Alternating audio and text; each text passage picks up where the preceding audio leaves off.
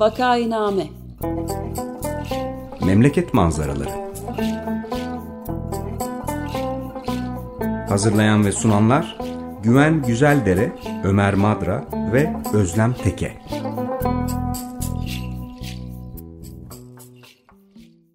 Günaydın, Vakainame'ye hoş geldiniz. 95 FM Açık Radyo'dayız. Bu programı Ömer Madra, Özlem Teke ve ben Güven Güzeldere birlikte sunuyoruz. Fakat bugün programı tek başıma yapacağım. Özlem Teke de, Ömer Madra da bizimle değil. Bugün konuğumuz Türkiye raporundan Can Selçuki. Hoş geldiniz Can Bey. Hoş bulduk Güven Bey. İyi yayınlar dilerim. Teşekkürler. Ee, şimdi bu tanıtımları Özlem Hanım e, yapıyordu ama ben e, kısaca hatırlatayım. Can Selçuki aslında bir e, yaklaşık galiba 8 ay önce filan e, da konuğumuz olmuştu. Kendisi Bilkent Üniversitesi'nden mezun bir endüstri mühendisi ama e, ekonomi ve sosyal bilimler alanında da e, yüksek lisans eğitimi var. İstanbul Ekonomi Araştırma Şirketi'nde genel müdürlük görevini sürdürüyor. Biz geçen e, programda kararsız seçmen nedir, kime denir, e, kararsız seçmenlerin e, oylarını dağıtırken nasıl yöntemler izlenir gibi sorular e, hakkında konuşmuştuk. Şimdi bugün de aslında benzer bir soruyu biraz daha derinlemesine incelemek istiyoruz. Çünkü e, Can Selçuk'i ve ekibi e, muhafazakar kadın seçmenler içinde yer alan bir grubun e, arasında kendisini kararsız olarak tanımlayan seçmenleri anlamak amacıyla bir araştırma yapmış durumda. Biraz bu araştırmadan e, konuşmak istiyoruz. Çünkü bu araştırma hem e, kararsızım diyen seçmenlerin bu kitlesinin nereye e, oy vermeye daha eğilimli olduğunu belki bize gösterecek. Bir de muhalefetin nasıl bir yöntem izlemesi gerektiği konusunda da aslında ışık tutuyor. Çünkü e, neler olursa bu kararsız seçmenler muhalif partilere oy verebilir ya da hiçbir şekilde vermez mi filan. Bir de programın sonunda şimdi bu hafta çok e, ilginç başka bir gelişme oldu. İstanbul Büyükşehir Belediye Başkanı Ekrem İmamoğlu'na e, bir ceza verildi. E, bu ceza kesinleşirse siyasi yasaklı hale gelecek. Bu da haliyle e, altılı masadaki dengeleri değiştirebilir. E, bunun oy e, tercihine nasıl yansıdığı konusunda da hemen Cansel Türkü ve ekibi çalışmaya başlamış. O konuyu da kendisine program bitmeden sormak istiyorum. Şimdi ben uzattım biraz da kusura bakmayın Can Bey. Bu sizin yap, muhafazakar e, ama kararsız olduğunu söyleyen e, seçmenler konusundaki çalışmadan biraz bahseder misiniz ilk önce? Memnuniyetle. Şimdi bir kere neden bu kitleyi çalıştık onu söyleyeyim. Çünkü şimdi biz bu kitleyi çalıştık ve ondan sonra bir e, Ruşen Çakır'la bir YouTube programı yapmıştık. Orada birçok şey yorumu geldi. Yeter artık yani kararsız muhafazakarlarla oranın endişeleriyle görüşüyorsunuz. Hiç mi diğer kesimlerin endişeleri yok veya onların düşünceleri hiç mi önemsenmiyor diye bir eleştiri geldi. Bir ona cevap vererek başlayayım. Tabii ki yani her seçmen, her grup e, en az diğeri kadar önemli. Fakat bu seçimde bir değişim olma ihtimali varsa bu kararsız muhafazakarların e, ne yapacağı çok önem arz ediyor. Çünkü AK Parti'de ve Cumhur İttifakı'nda bulunan bu kitlenin 2023 seçimlerinde nasıl davranacağının ciddi bir e, önemi var. Ama Güven Bey bir de şöyle bir önemi var. Ki kadınlar da konuştuk, metodolojide anlatayım. 30 tane kadınla birebir görüşmeler yaptık. Bu bir birebir görüşmeler yani görüşme başına 2-2,5 saat süren e, derinlemesine e, görüşmelerdi ve neden kararsız olduklarını, e, endişelerin neler olduğunu, nereye gitmeye daha eğilimli olduğunu o, anlamaya çalıştık. Çalışan kadınlar var, çalışmayan kadınlar var, gençler var, daha orta yaş grubu e, kadınlar var bu e, grup içerisinde ve burada aslında evet tabii hepimiz 2023 seçimlerine odaklandık ama şuna bakmaya çalıştık. Yani bunun ötesinde Türkiye'nin önümüzdeki 10-20 yılında bu kitle var. Bir şekilde muhalefet konuşamıyor, görüşemiyor, sesini duyuramıyor. Bu kitleyi gerçekten anlamak, yani toplumun bu kesimini anlamak üzerine biz bu işi yaptık. Açıkça söyleyeyim seçimde ne yapacakları bizim için tabii ki bir fikrimiz var ama seçimde ne yapacakları bizim için ikinci bölümde yani ikinci planda kaldı.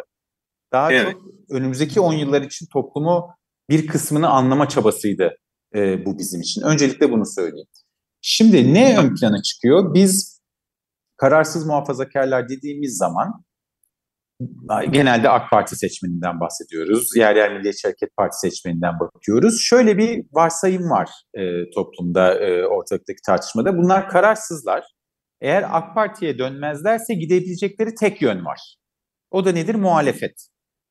Halbuki bunun böyle olmadığını gördük Güven Bey. Bence en çarpıcı sonuçlardan bir tanesi buydu.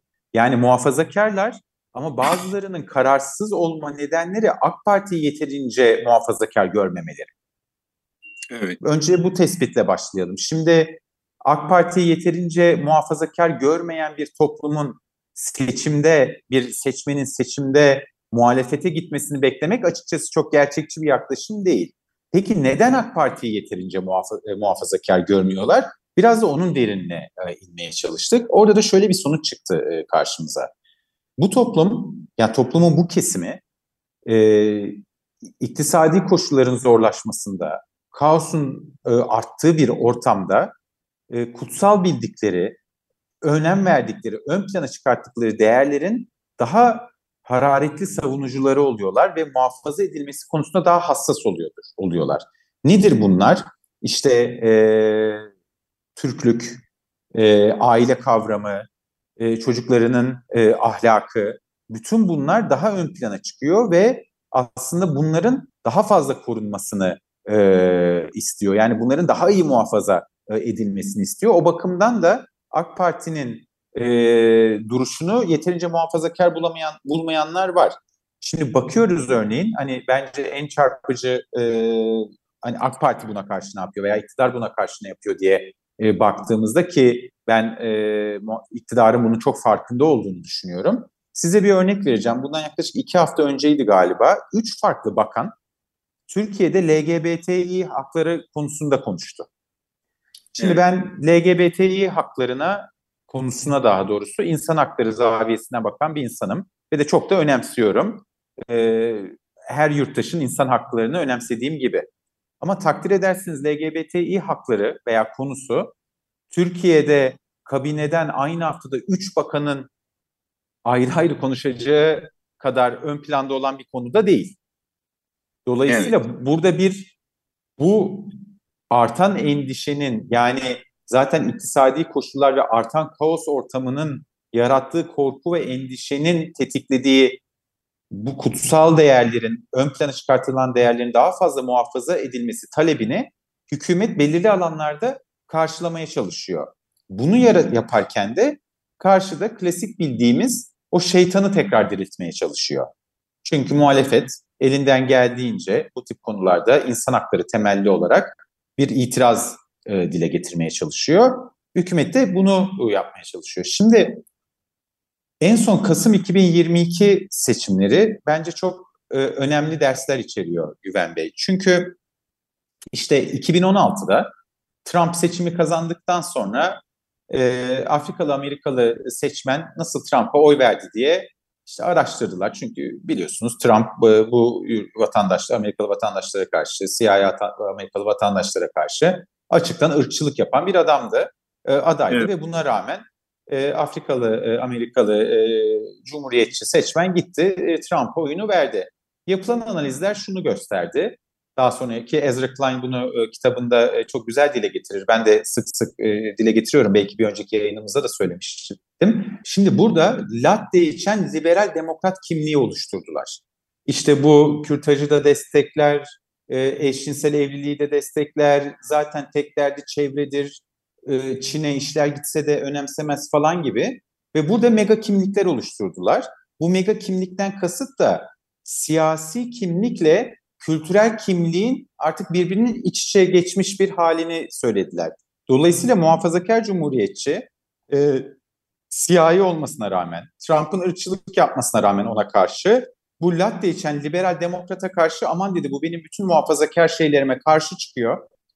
E, önceliklerime karşı çıkıyor, tehdit ediyor. Dolayısıyla ben yine de gider Trump'a oy veririm dedi. Şimdi Kasım 2022 seçimlerinde ne oldu Senato ve Temsilciler Meclisi'nde? Cumhuriyetçiler ellerini zorladılar.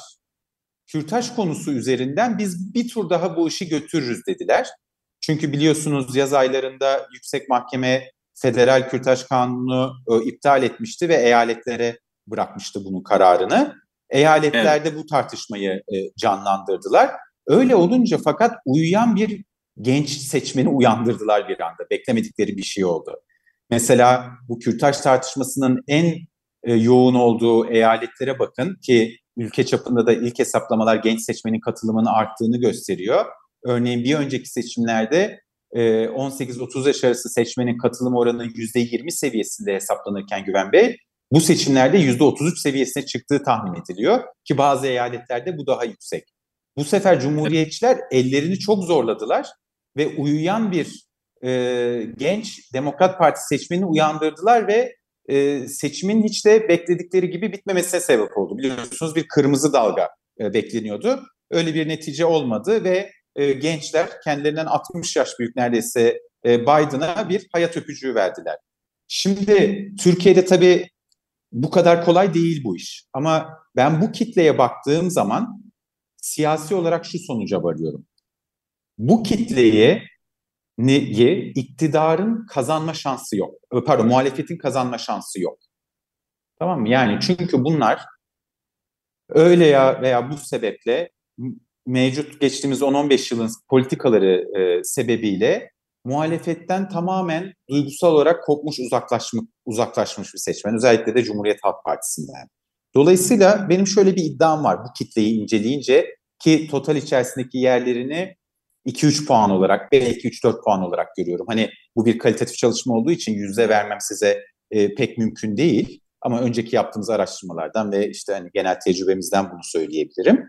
Burada bu kitlenin en iyi yap yani muhalefet için yapabileceği en iyi şey sandığa gitmemek olabilir.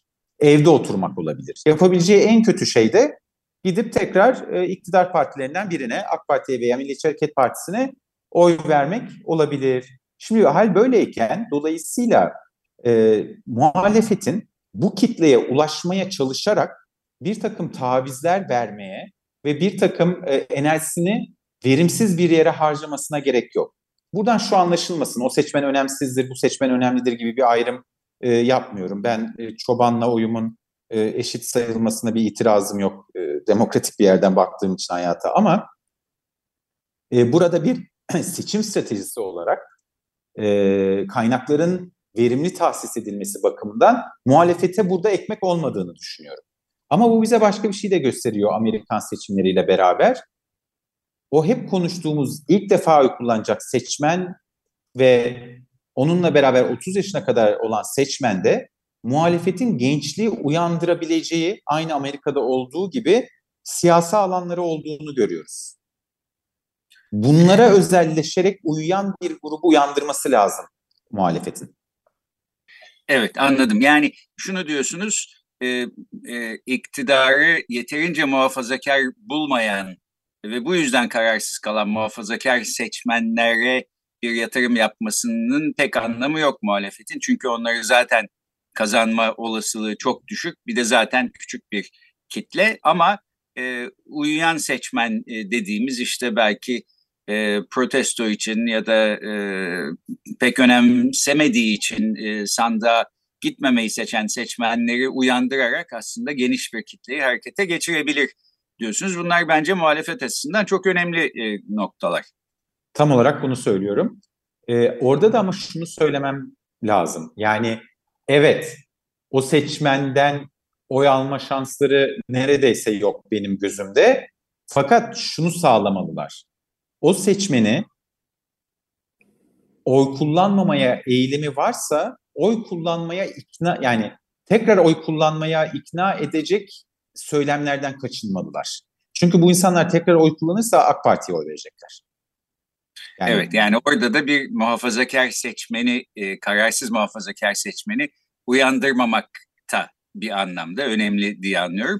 Peki buradan protesto oylar sorusuna da geleyim. Çünkü yaklaşık 8 ay önce yaptığımız e, ilk programda siz o zamanki ölçümlerde protesto oylarının yani oy vermeyeceğim diyenlerin, sandığa gitmeyeceğim ya da yanlış oy vereceğim filan diyenlerin kararsızlardan da daha büyük bir kitle oluşturduğunu söylemiştiniz. E, şu andaki ölçümlerde nasıl gözüküyor e, protestocular? Aşağı yukarı aynı tablo söz konusu e, Güven Bey. Fakat bir dinleyicilere durumu daha netleştirmek için şunu söylemekte fayda var. Şimdi muhafazakar seçmen dediğimiz zaman şu hataya düşmemek lazım. Yani memleketin bütün muhafazakar seçmenini bir torbaya koyduk da değerlendiriyoruz değil. Burada muhafazakarlığını belki en ön plana koyan seçmenden bahsediyoruz.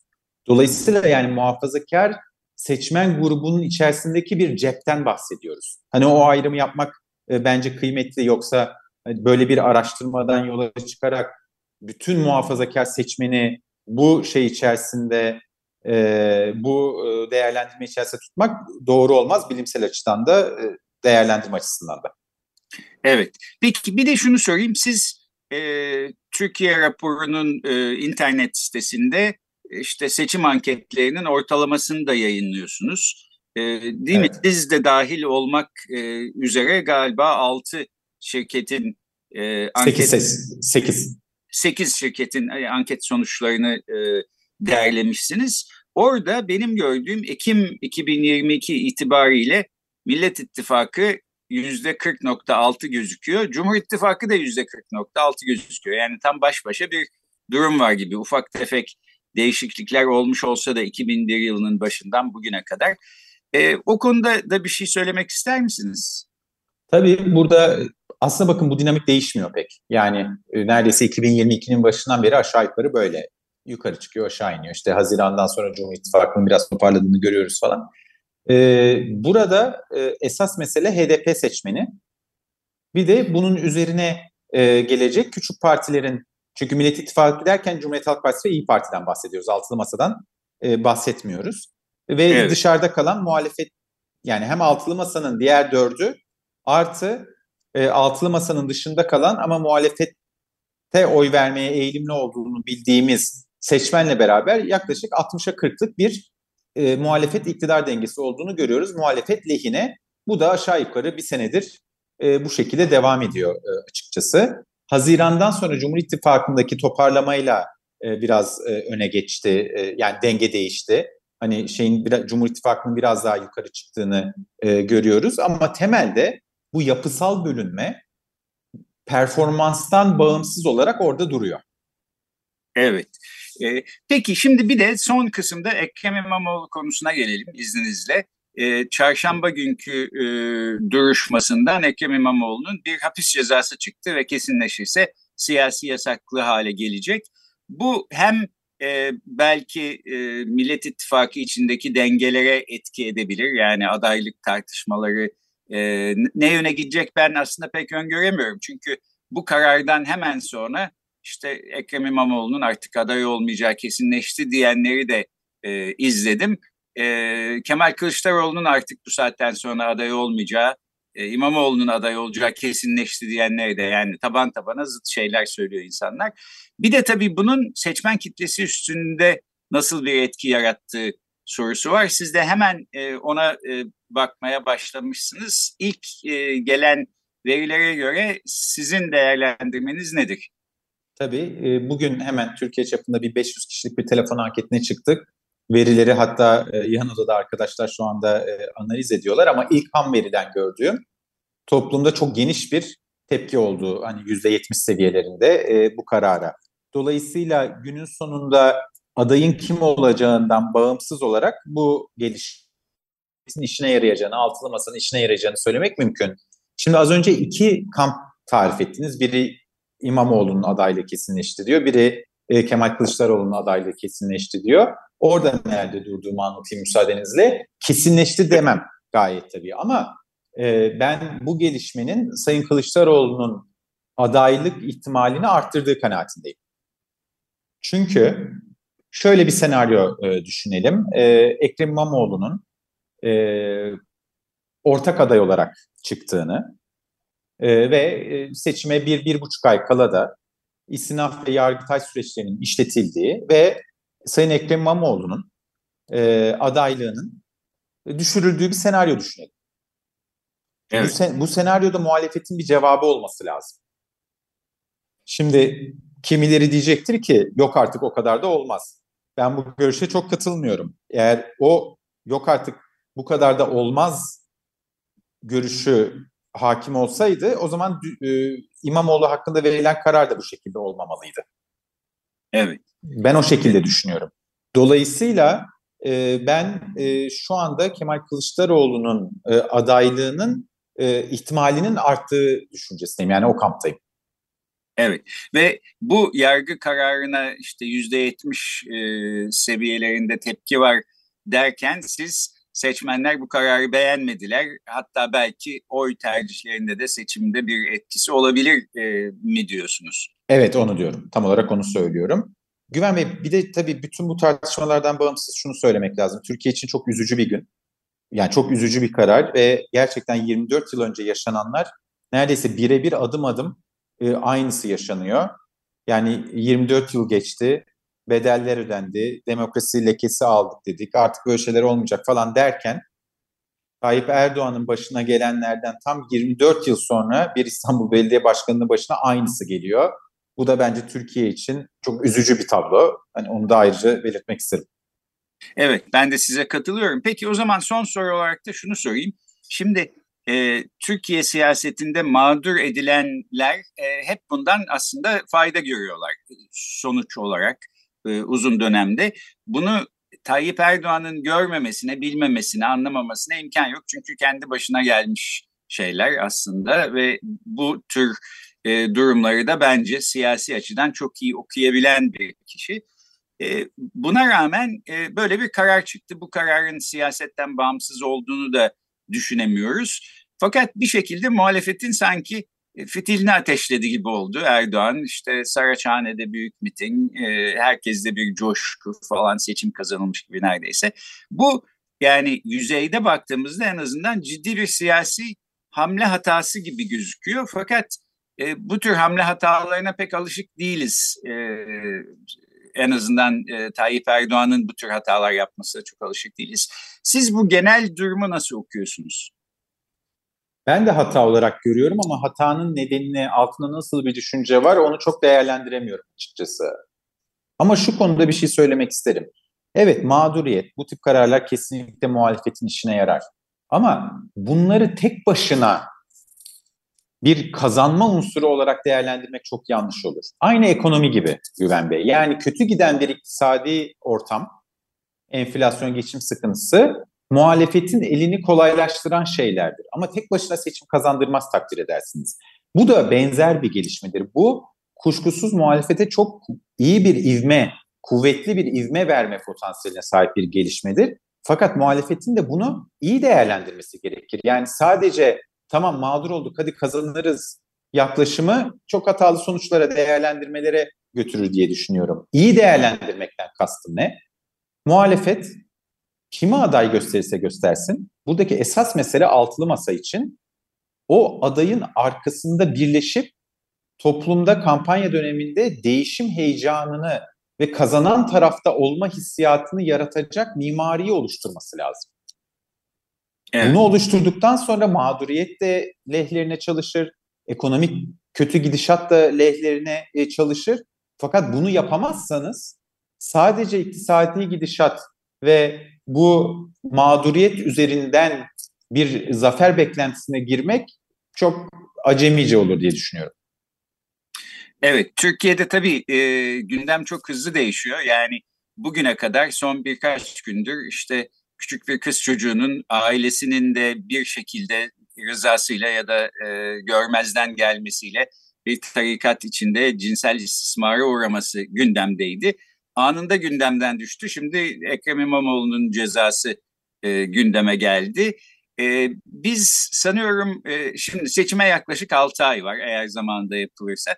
Belki seçim öncesi sizle e, bir program daha yapar fikrinizi sorarız ama bu programın da son dakikasında belki e, bitirirken sizin genel olarak söylemek istediğiniz bir şey varsa ben sözü size bırakayım. Bu çocuk istismarı olanında bugün olan tutuklamaları çok olumlu değerlendiriyorum. Yetmez ama evet diyorum. Genel olarak şunu söylüyorum ben. E, seçime 6 ay kala muhalefetin şansının iktidarın şansına göre e, belirgin şekilde daha fazla olduğunu düşünüyorum. Fakat altını çizeyim. Burada değişim yaratma, kazanan tarafta olabilme hissiyatını seçmene verecek mimariyi kurmaları lazım.